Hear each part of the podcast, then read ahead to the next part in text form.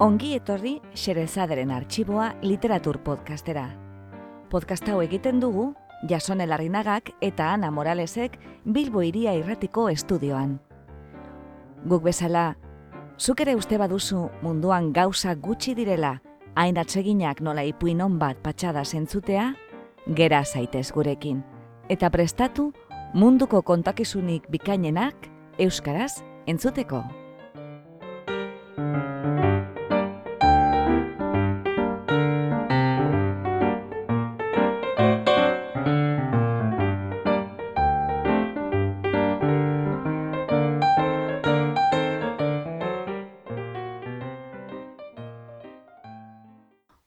Gaur, xerezaderen arxiboan, postit bizitzak liburuko zenbait ipuin. Gravísimo, alegreto agitato, con fuoco eta crescendo. Egilea, Jolanda Zuniga, itzultzailea, Inigo Roque. Sarreraren egilea, Idurre Eskizabel. Gaur irakurriko ditugun ipuinen atarikoa ekiteko, zenbait pasarte aukeratu ditugu idurre eskizabelek postit bizitzak libururako eginiko sarreratik. Hona hemen, idurre eskizabelek idatzitakoa. Arrazoi dute gizon jakintzuek diotenean, bidaiatzeak, buru bihotzak zabaltzen dituela, pitokerien kontrako txerto dela, eta norberaren silborrean hiltzatzearen kontrako erremedio.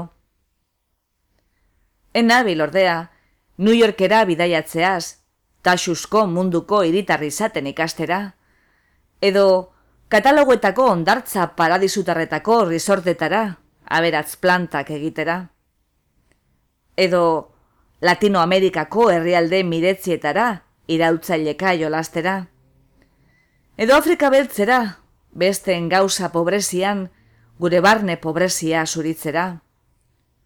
Edo Nepalera, gailurrak azpian hartuz, autoestimua goratzera. Ez. Beste bidaia batzu ez ari naiz. Ausartago ez. Urrunagoko ez. Esate baterako, neguko goiz gautu batez, aldirietako tren izostua hartzeaz. Belarriak smartphonearen musikara kateatzen dituen kaskoak erantzita, begiak tabletetik jasota, albokoaren ukondoaren marruskadura sentitzeko beldurrikabe.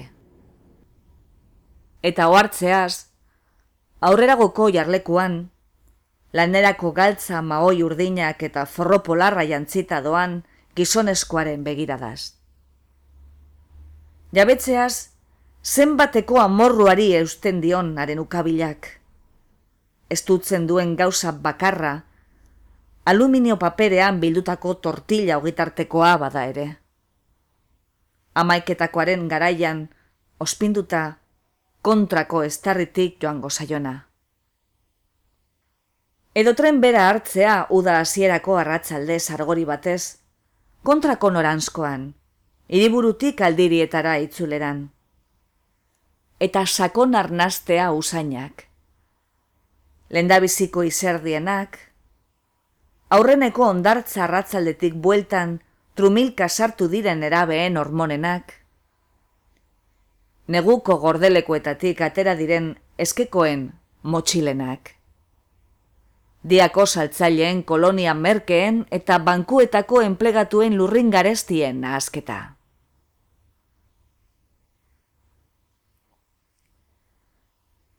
Edo auzo urrunetarako autobusa hartzea, udaberriko iluntze epel batez, espalo jertzetan loratutako mimosek eta parke bazterretan ernatutako San Jose lorek, bizimodu berrien ametzez moskortzen dituztenean baster guztiak. Eta nabaritzea euforia gorde ezin bat, norbere kolkoan ezezik, inguruko bidaiarietan ere. Ondo asko jakinarren, bihar goizerako galduak ezezik, ahaztuak ere izango direla bezperako posak. Eta, aldi berean, alboko eserlekuko bidaidearen nardara sentitzea eskuineko sorbaldan. eta zeharka begiratzean, jabetzea eutzi ezinezko intziriek eragiten diotela ikara. Are, ikustea nola negarran pulutan urtzen den, zure begiradarekin topo egitean. Bai, arrazoi dute gizon jakintzuek diotenean, bidaiatzeak buru bihotzak zabaltzen dituela. Ez dago aldiritako trenean, busean, metroan, asokan, bulegoan, tabernan, etxeko sukaldean, norbere barruko kiribiletik atera eta bestera iristea baino oberik, irekiago, zabalago eta batipat osoago izateko. Nekez izango da bidaia zirraragarriagorik, bizi esperientzia indartzuagorik. Eta hori da, Jolanda Zunigak, postit bizitzak honetan proposatzen duena. Bestearen ganako bidaia bat, amaika bizi puskaren bidez. Eta arruntak dira, konpaz diferenteen bulkadaz dakaskigun bizitzak. Galkorrak eta aldagarriak. Idazmai gainetik edo oskailuko atetik edo kortxosko taulatik kendu eta gabe zimurtuta zaborretara botatzen ditugun postitak bezalakoak. Gizoinak intzuek nekatzeraino errepikatzen diguten azbestera, kaparra daren kaparra da sinesteko tentazioa izateraino, ez baita egia bizitzak, berdin dela norenak, duela balio gorena. Alegia, gezurra baita bizitza guztiak kategoria berean dabiltzala. Kontrara, hori da jokua. Gutxi batzuenak balioestea, beste denen amets, akullu eta zigorri izan daitezen. Galde diezaiotela bestela, utzaren truke, astean zei egunez, saltoke handiko arazak betetzen aritzen den Andreari. Edo, erietxe publikoko kimio saiotik bueltan, telebistak minbizi tratamendua jasotzera Houstonera doan agintari edo aberazkiloaren albisteekin bombardatzen duen gizonari. Edo, auskalo, zuri, edo niri. Eta orain entzun ditzagun, Jolanda Zuñegaren postit bizitzak liburuko zenbait ipuin. Gravísimo.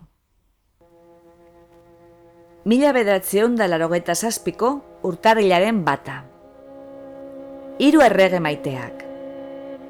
Uste dut aurten oso ona izan naizela. Eskolan asko alegindu naiz, eta gurasoen esana egindu peti. Tira, egia, hitzatar bat edo beste esan dut, eta azken hiruilekoan matematika suspenditu ere bai. Hala ere, agintzen dizuet errekuperatuko dudala. Aurtengo gabonetan, ez dizuet jostailurik eskatuko. Pila bat daukat, eta amak dio, nahi ez ditudanak, jostailurik ez duten aurrei bihatzeko, Afrikara edo Ekuadorrera. Lengoan, han ortozik ibiltzen direla ikusi nuen telebistan. Arrigarria da inpozik egotea. Ama tio ez dutela igartzen ezagutzen ez dutenaren falta. Nik uste baltasar dela aiei laguntzeko erregerik egokiena. Zarrena delako eta guraso eta itona monen kontu ez inopaino gehiago dakielako. Ez aitezte azerretu Meltxor eta Gaspar, zuek ere maite zaituztet. Baltasar maitea. Nire gurasoak pipertuta egoten dira beti, eta igogailuan ibiltzen dira eztabaidan nik ez ikusteko. Lona gola uste dutenean ere bai. Ez dakit ezer txarrik egin dudalako den. Enaiz galdetzen ausartzen. Ni izugarri karatzen naiz ama negarrez hasi eta aita kalde egiten duenean. Ez dakidalako itzuliko den apur bat aldaturik itzultzen da. Eta amak esaten dio ez edateko, etxetik botako duela. Eta gero negar asko egiten dute eta iruditzen zait ez direla garrasika hasiko gehiago. Ez dakiz ere egin dena lehen bezalakoa izan dadin, elkarrekin zinemara joaten ginenean bezalakoa. Krispeta jaten genituen, eta aita txista kontatu eta kantinflasek bezala hitz egiten zuen. Orain berdin-berdin maiten naute, eta opari asko erosten dizkidate, baina triste antza dute. Baltasar erregea, hitz ematen dizut, nahi duzun guztia egingo dudala nire gurasuek apur bat maita desaten elkar. Parrerik egin ezarren. Ez dut nahi, haiek liskarturik ibiltzerik. Hitz ematen dizut inoiz baino gehiago ikasiko dudala. Enaiz jolastokira aterako, ala nahi baduzu. Jostailu guztiak eta barbi kristal berria eman egingo dizkiet, jostailurik ez duten aurrei. Azken batean, hain txiki ere ez naiz, amabi urte ditut agueneko. Eskolako idazlan bat bidaltzen dizut, ia gogoko duzun. Itxasoa eta kaioak du izenburua. Itxasoa ur putzu handi bat da. Lurroaren zati handi bat estaltzen duena. Itxasoan, igeri egin daiteke, edo ito. Haren gainean, ontziak, txalupak, vaporeak eta transatlantikoak dabiltza igeri. Kaioek ere igeri egiten dute, eta zipristinak eginez jolasten dira, eta mokoarekin arrainak harrapatzen dituzte. Itxasoa eta kaioak hain dira ederrak, ez dakit hitzetan nola saldu.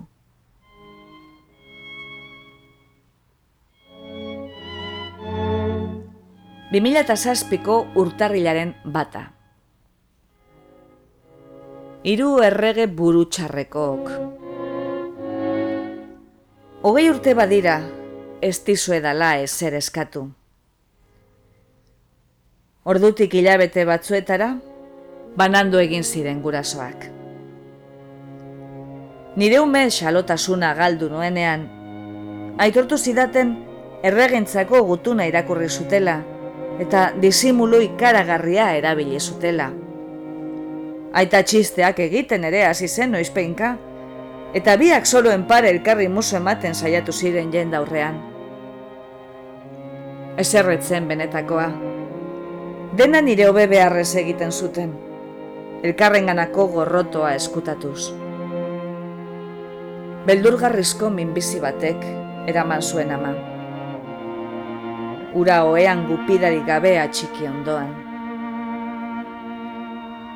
Aitak etzuen bere bizitza berregin beste ezein emakume edo bikotekiderekin. Gaur, hogei urte geroago, beste zenare mazte bat zuen alde eskatzen dizuet. Zenarraren eta bion alde. Kurartekoak iraundezan, edo aldenik eta amultzuen bukadadin. Jadanik, espaitut indarrik, disimuluan segitzeko, nik ikusten ditudan desleialtasunekin, eta ni ez mintzea beste helbururik ez duten gezur errukarriekin. Jota maite nago, nire gizonaren taupadei obsesiboki atxikirik. Naizura, egunetik egunera arrotzagoa zaidan eta gutxiago ezagutzen dudan. Jainkoak badaki borroka egin dudala respetua lortzeko. Baina haren animalia zenak, beste emakume bat maitatzera eraman du. Bost urte badira. Ia ez dut elkar ikusten. Ze hilabeteri pein, tarrapataka, niri adizkideen aitzakiak jarriz. Horixe da txarrena, ez direra distantziaren beldur. Barru-barruan badakit maitasunak iraun egin dezakela denboran zehar. Eta niri maitasuna hitz egiten didanean, ari ere hitz egiten diola. Gure semeak besarkatzen nauenean, beste zabel baten semea dela iruditzen zait. Anarkikoagoa eta erakargarriagoa ura.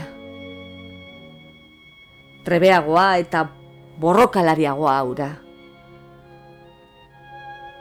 Emakume horrek bigarren mailako papera onartua du eta isilean dago. Jabeturi paitago ez dela filmeko kredituetan agertuko.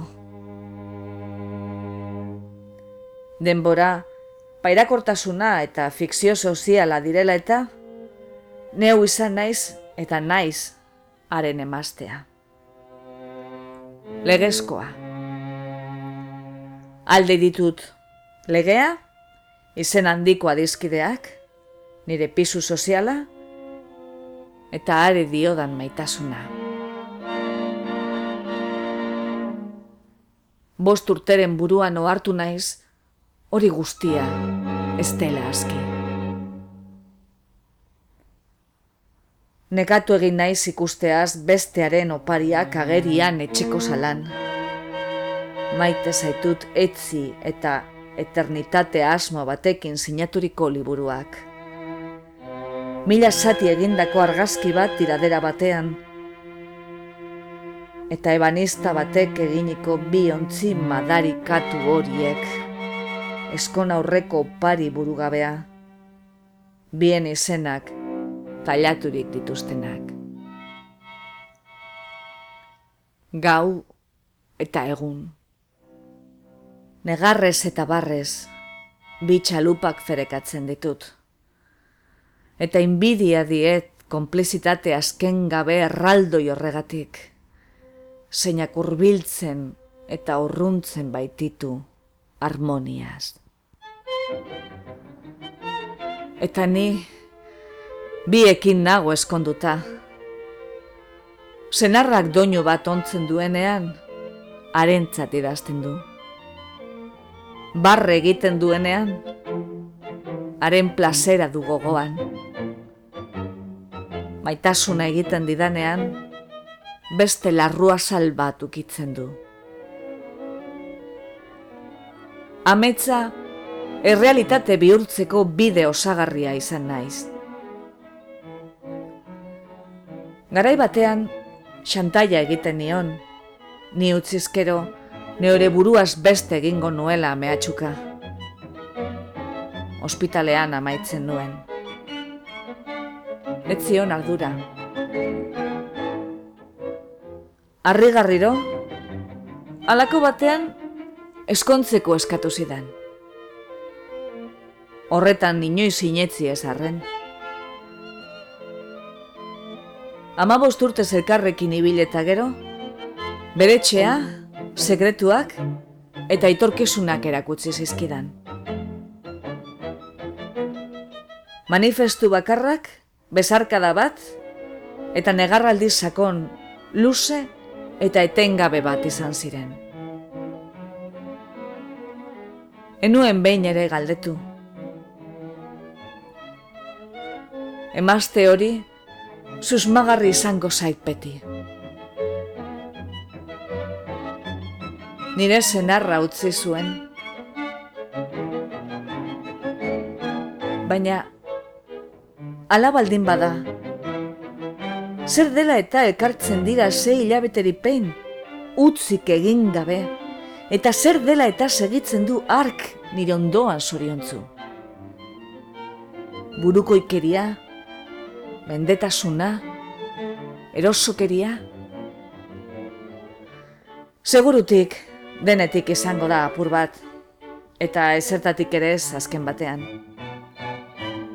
Denborak berrikusi egiten ditu gauzak, eta etorkizun bermeko zigilu bat ematen die. Eta denborak, agidenez, erabaki du gure artekoa zela egokiena.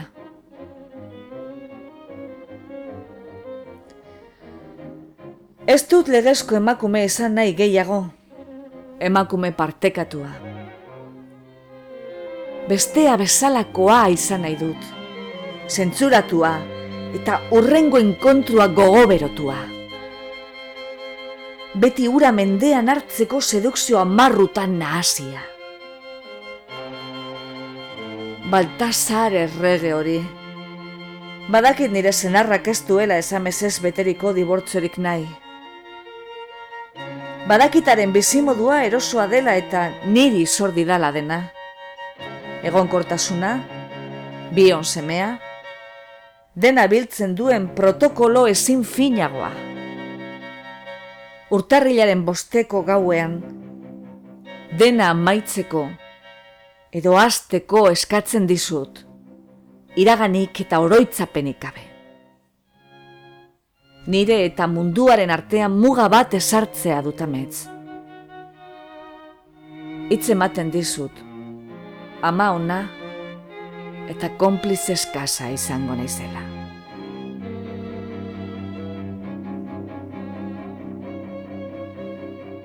Bi mila eta hogeta zazpiko urtarrilaren bata, hiru errege zibernetikoak. Lipu eskultura bat nahi dut kartzuki. Adeinak emakume bandera honen erakargarritasuna inauzi duela diotenak isilarazteko. Ni soraio oroitzapen artean nabilen bitartean. Hogei urte badira Baltasar erregeak erabaki zuela dibortziatuko nintzela. Austura gisa. Eta bizi berri bat hasiko nuela ertzertzekoa, arriskutzua.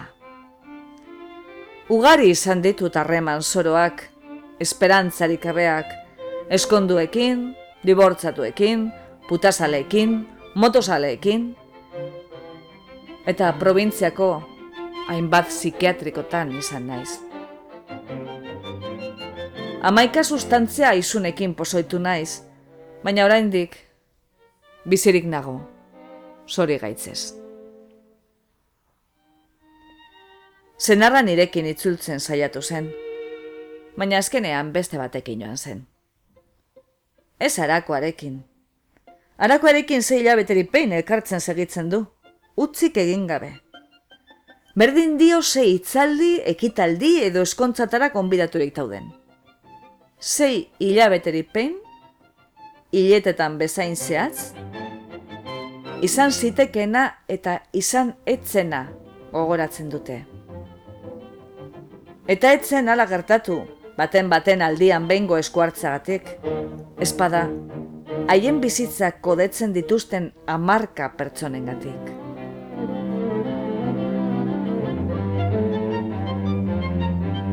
Itzordu horri leialago zaizkio, haien seme alaba onartu edo bastart edo jaio gabei baino. distantzian fidelak. Egun batez, arekin itzuliko naiz. Orain badakit eta nien intzela izan bien arteko behaztu parria. Baltasar, etza zuaztu, haren orain gozkontza ondatu behar duzula, dena hainbat lasterren lehen gora etor dadin. Arako ura eta ni hasieran bezala, hain zuzen, dena normala zenean, eta traizioak itzutu ninduenean bezalaxe.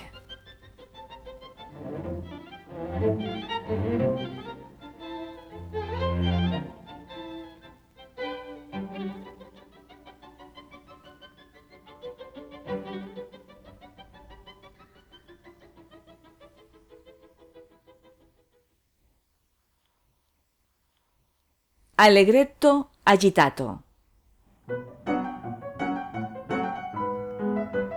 Goizero, bizikleta estatikoan egiten ditut amabos minutu. Hogei, zintan. Tricepsak, dortzalak, pektoralak, abdominalak lantzen ditut. Zertarako eta etxera iristean txokolate irabiaki industrialez enpo egiteko. Zeinen aspergarriak diren gimnazioak non nahi, nahiki zapatilak, nafta kirola ropak, sapi guztiak, dutxa kloro dun usaineko aldagelak, eta izerdi kontzentratua. Txankleta utzetan dabiltzan gorputz biluziei dariena. Zeinen gogorra den goizero sarrerako orman fitnesseko irakaslea, larru bizirik ikustea, argazki batean, erakusten tanga ezin txikiago bat, eta muskulo ezin handiago batzuk, bizitzarako alferrekoak.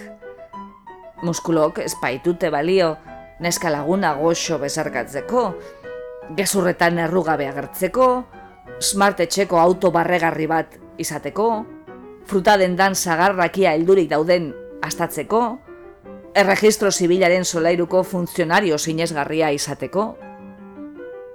Atlas grekoaren hainbeste muskulo, baliogabeak, jende bigun, argal, harinezko gure bizitza anorexiko honetan. Gregorio Sánchez posik dago gizon indartzuaren kontu horrekin. Morroi pustuentzako lehiaketa guztietan hartzen du parte. Eta gero prentzako albisteak jartzen ditu sarrerako hormako karteldegian, soin eskuntzarako erakundeko bi tituluen eta kulturismoko bi kastadotxotako ziurtagerien ondoan. Aerobik egin hasi nintzen.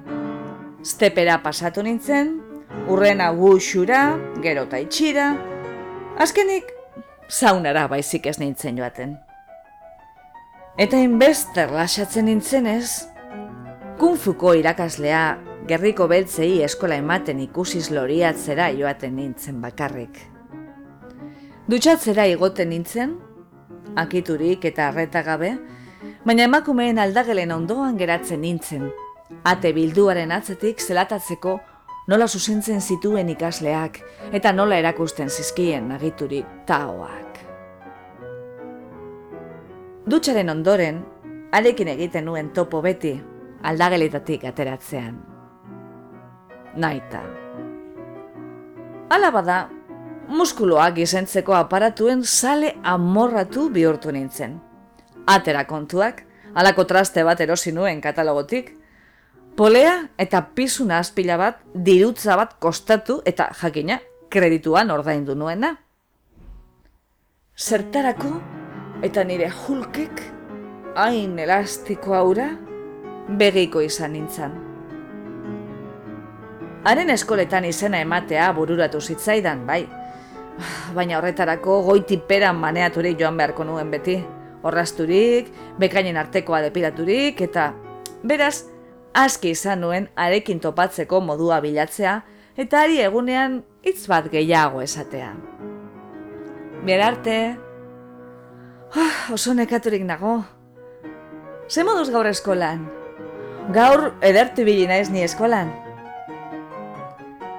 Hainbeste burbuilarekin eta nire gorputzeko muskulo zaintzuekin naskaturik, erabaki nuen nire desiragaiari iardukitzea esaldia ondo prestatu nuen. Izpilu horrean, proba saioak egin dituen. Walkmanean grabatu nuen kalean errepasatzeko, eta arekin tupustegin nuen eskolaren irteeran edo aldagelen sarreran, enintzen itzika oskatzeko gai izan. Biara munean berriro saiatu nintzen, arrapatu egin behar nuen. Ilea kolorez aldatzera joan nintzen, Eta ez nuen kolagen hori kipini Espainetan, enuelako astirik. Berriro lotza gorritu nintzen. Ordukoan neska batekin solasean atera zen gelatik. Azkenean, Espainiak pustu nituen, eta bularra ere baikemenez. Naiz, e, egun hartan, umetxo bat altzoan harturik ikusi nituen biak. Pablito, ez aiozu zerbait neskari, nire semea da? Ez nuen ezagutzen ez da?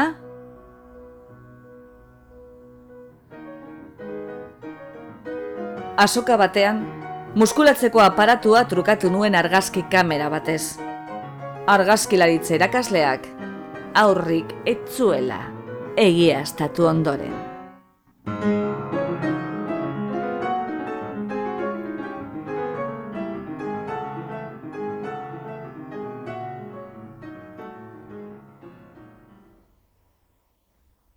con foco.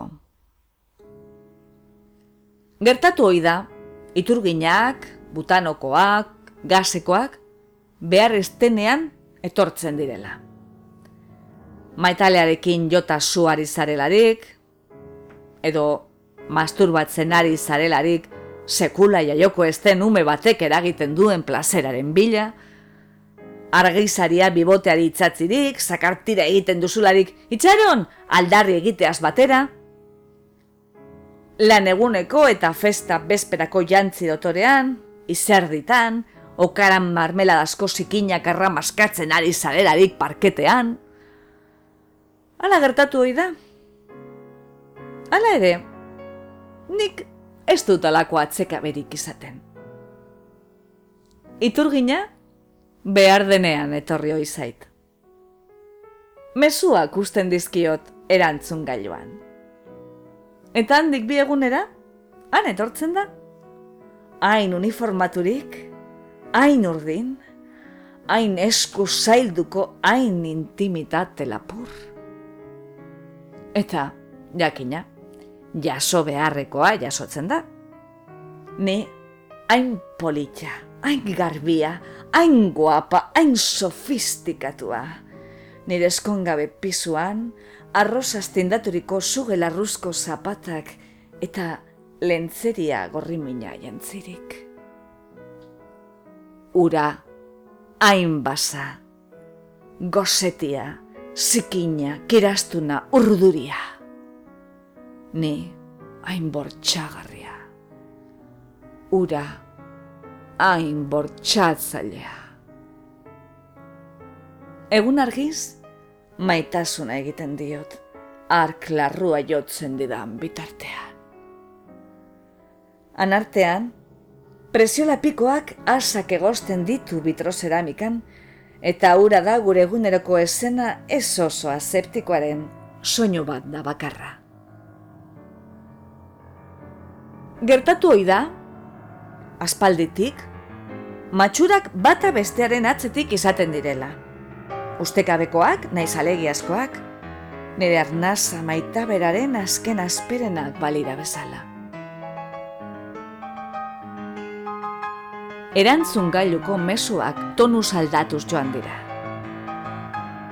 Ia noiz etozetezkien ikustera izatetik, isurbideak eta biok zure mina dugu izatera. Depilatzeari utzi nion, neskamea egotzi nuen, eta etxeko Andreen tribu horretako partaide bihurtu nintzen.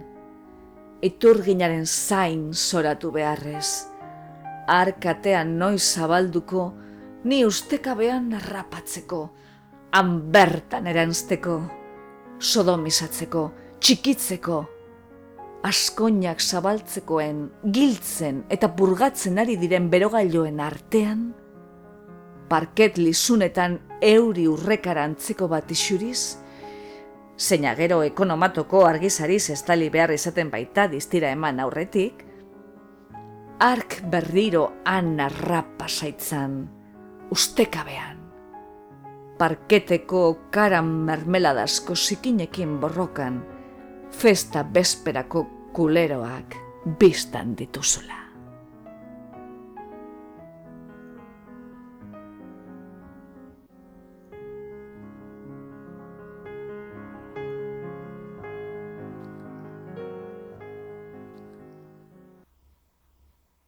Kretxendo Kabinetan sartzeko tripiz goraino egon behar dut. Zedeak konsientzia zulatzen dit house musikarekin. Nire izatearen likitzenean egiten ditudan zarraldi guztiak bizi-biziak dira. Musika eta tripiak. Sex shopetako kabinak. Egunero joaten naiz, lanetik ateratakoan. Klinexak eta txamponak harturik. Bankuko lankideak eskondurik daude eta xomorro arrarotzat naukate. Bakarrik bizi naiz metropoli itogarri honetan. Neonesko eta korte inglesko poltsasko metropolian. Bakarrik egiten dut lo. Bakarrik jaten, bakarrik lan egiten dut, Bank and Olufsek diseinaturiko bulego batean. Seduzitzea zer den ahaztua dut. Koito hermafrodita baten truke saltzen dio tarima de abroari. Kanpai jotze pare bat eta etxera. Arroz esnea kanela askorekin jatera. Neuk bakarrik prestatzen dut. Sex shopetan ez dizute galdetzen zergatik zaren lotzatia, ez zara elkarrizketetan sartzen. Loeri asko bizitza honetan, bulegotik etxera, etxetik bulegora, ez dut elkarrizketari behar, aritzea baino. Sentitu, dardarka jarri, korritu. Luzamendurik gabe. Nabilela bakoitza bere alde borralde eta kitxo. Inok ez dizu talakarik ematen. Ezin dut harreman arruntik esan. Lotzatu egiten naiz. Taktikak prestatze utzak neure honetik ateratzen da. Ez dut autolaguntza asko sakelako libururik erosten. Hainba gutxiago egileak liburu asokan sinatutakorik. Etzait hori baino iguingarriagorik ezer. Top mantako Afrikarrekin batera. Eta neskek, ez dakit. Uste dut ez diotela nilako morroi bati erreparatuko. Neska lagun bat izan nuen, bai, herrian bizi nintzelarik. Arekin eskontzea nahi zuten. Lana bilatu nuen kanpoan, neska kopetilon baitze bilen. Enintzen bat ere haren gustokoa. Behin hemen, Bartzelonan, familiari deitu nion esateko beste batekin hasia nintzela. Gaixoa, zera baino gehiago postu zen. Orain antza, etxegile batekin dabil, aurra dituzte eta ondo doakio bizitza. Arroz esne zoragarria egiten zuen, kanela askorekin. Nik, bakarrik, jaten dudan horren antzekoa. Kabinetan asaskatu egiten naiz. Ez du zertan ukitu maite ez ditudan emakumeak. Atzegin garri zait aiekola ikustea. Biluzik, masturbatzen eta niri gozarazten. Sarketara konbidatzen zaituen musikaren inguru mingurua maite dut gorputz beltz ederrak dituzte. Lengo egunekoak izan ezik, ark zelulitiza baitzuen ipur masailetan, baina hainbeste berotu ninduen. Eta lentzeria gutxi, baina garestia. Kortzeak, ligetak, horratz takoiak eta bajina bilusiak maite ditut. Dene galtzarbeak depilaturik izateak amorroa ematen dit. Horregatik, Angela Molina da nire musa. Ura ez da depilatzen.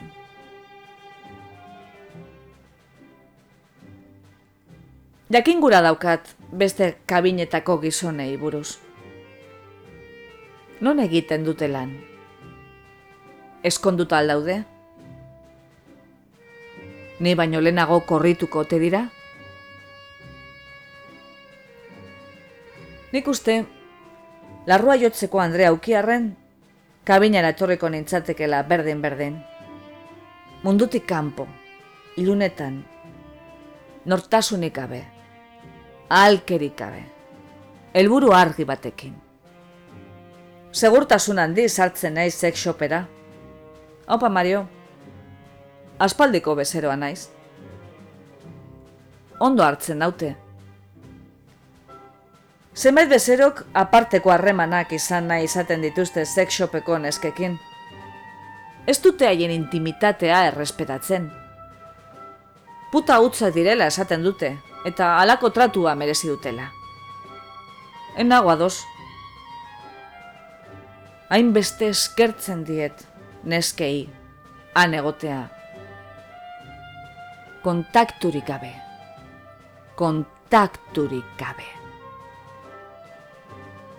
Haiek alaxe nahi dute, arnasa geundutako kristalaren bestaldean, panpina ukiezin, gomasko, zula ezinak palira bezala. Adi bai adi erreparatzen diot gaur arratzaldean egokitu zaidan musari. Iztan batez, esten hori ikusten dut. Ugasa bandrea sartailoarekin eta antifasarekin. Tripiak utzi beharko ditut. Sakila ferekatzen dut. Eta nire bihotz taupaden erritmora egokitzen dut lastana. Bapatean, gravitatzen nahasi naiz. Tripi madarikatuak. Nire bustana da musikarien gravitazioari oina eman, ura neurtu eta menderatzen duena. Orain, itxaspeko baten oskolak babesten nau. Musika morse kodea da. Eta burdin asko arrainaren zabeleko marinelen garraziak plazerezkoak dira.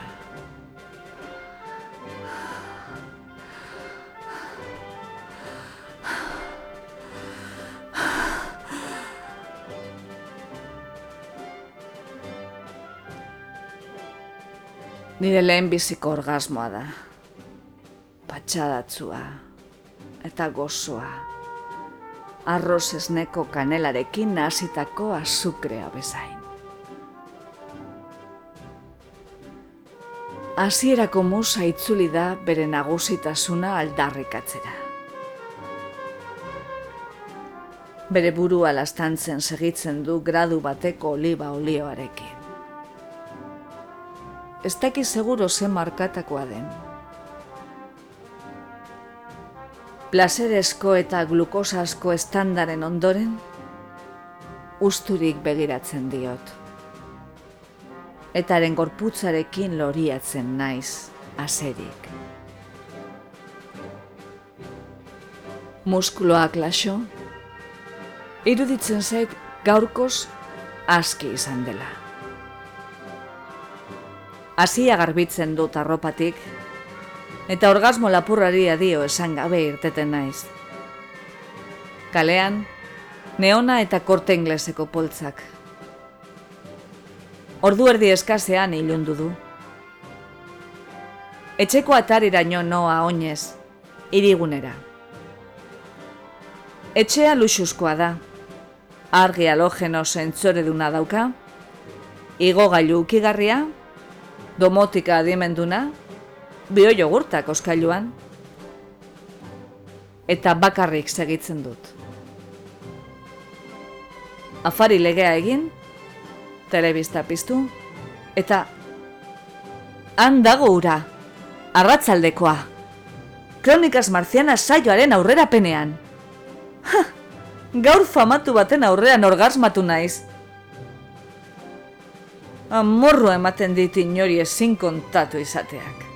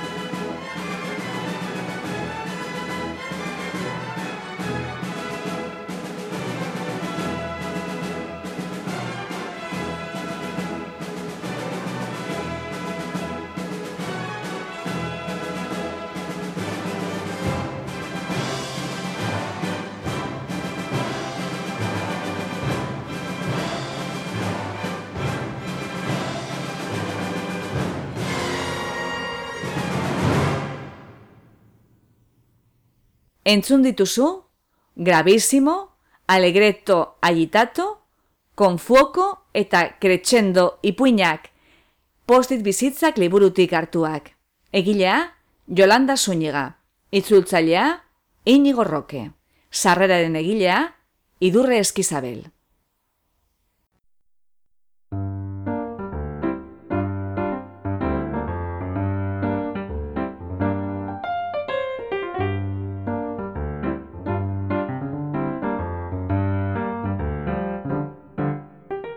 Xerezaderen artxiboko beste atal bat entzun duzu. Gure doinoa da Charleston Behind the Attic Door, Dance of the Wind taldearena. Besterik adierazi ezean, gure musikak jamendo.cometik hartuak dira, eta soinu efektuak berriz freesound.cometik ateratakoak. Podcast hau egiten dugu Jasonen Arinagak eta Ana Moralesek Bilbo Iria Irratiko estudioan. Gure audioak online entzuteko edo eskuratzeko eta podcastaren arpide duen egiteko, bilagaitzazu iTunesen edo joan gure blogera irubebikoitz.blogak.com barra isa a lp. Irriketan gaude zure iritzia jakiteko eta zure gurariak betetzeko. Beraz, gure blogera soazenean, eza astu iruzkina ustea eta irakurgai proposamenak egitea. Eskerrik asko gurera hurbiltzeagatik. Gustora egon bazara, etorri urrengo batean berriz ere, Xerezaderen arxiboa literatur podcastera. Laster arte!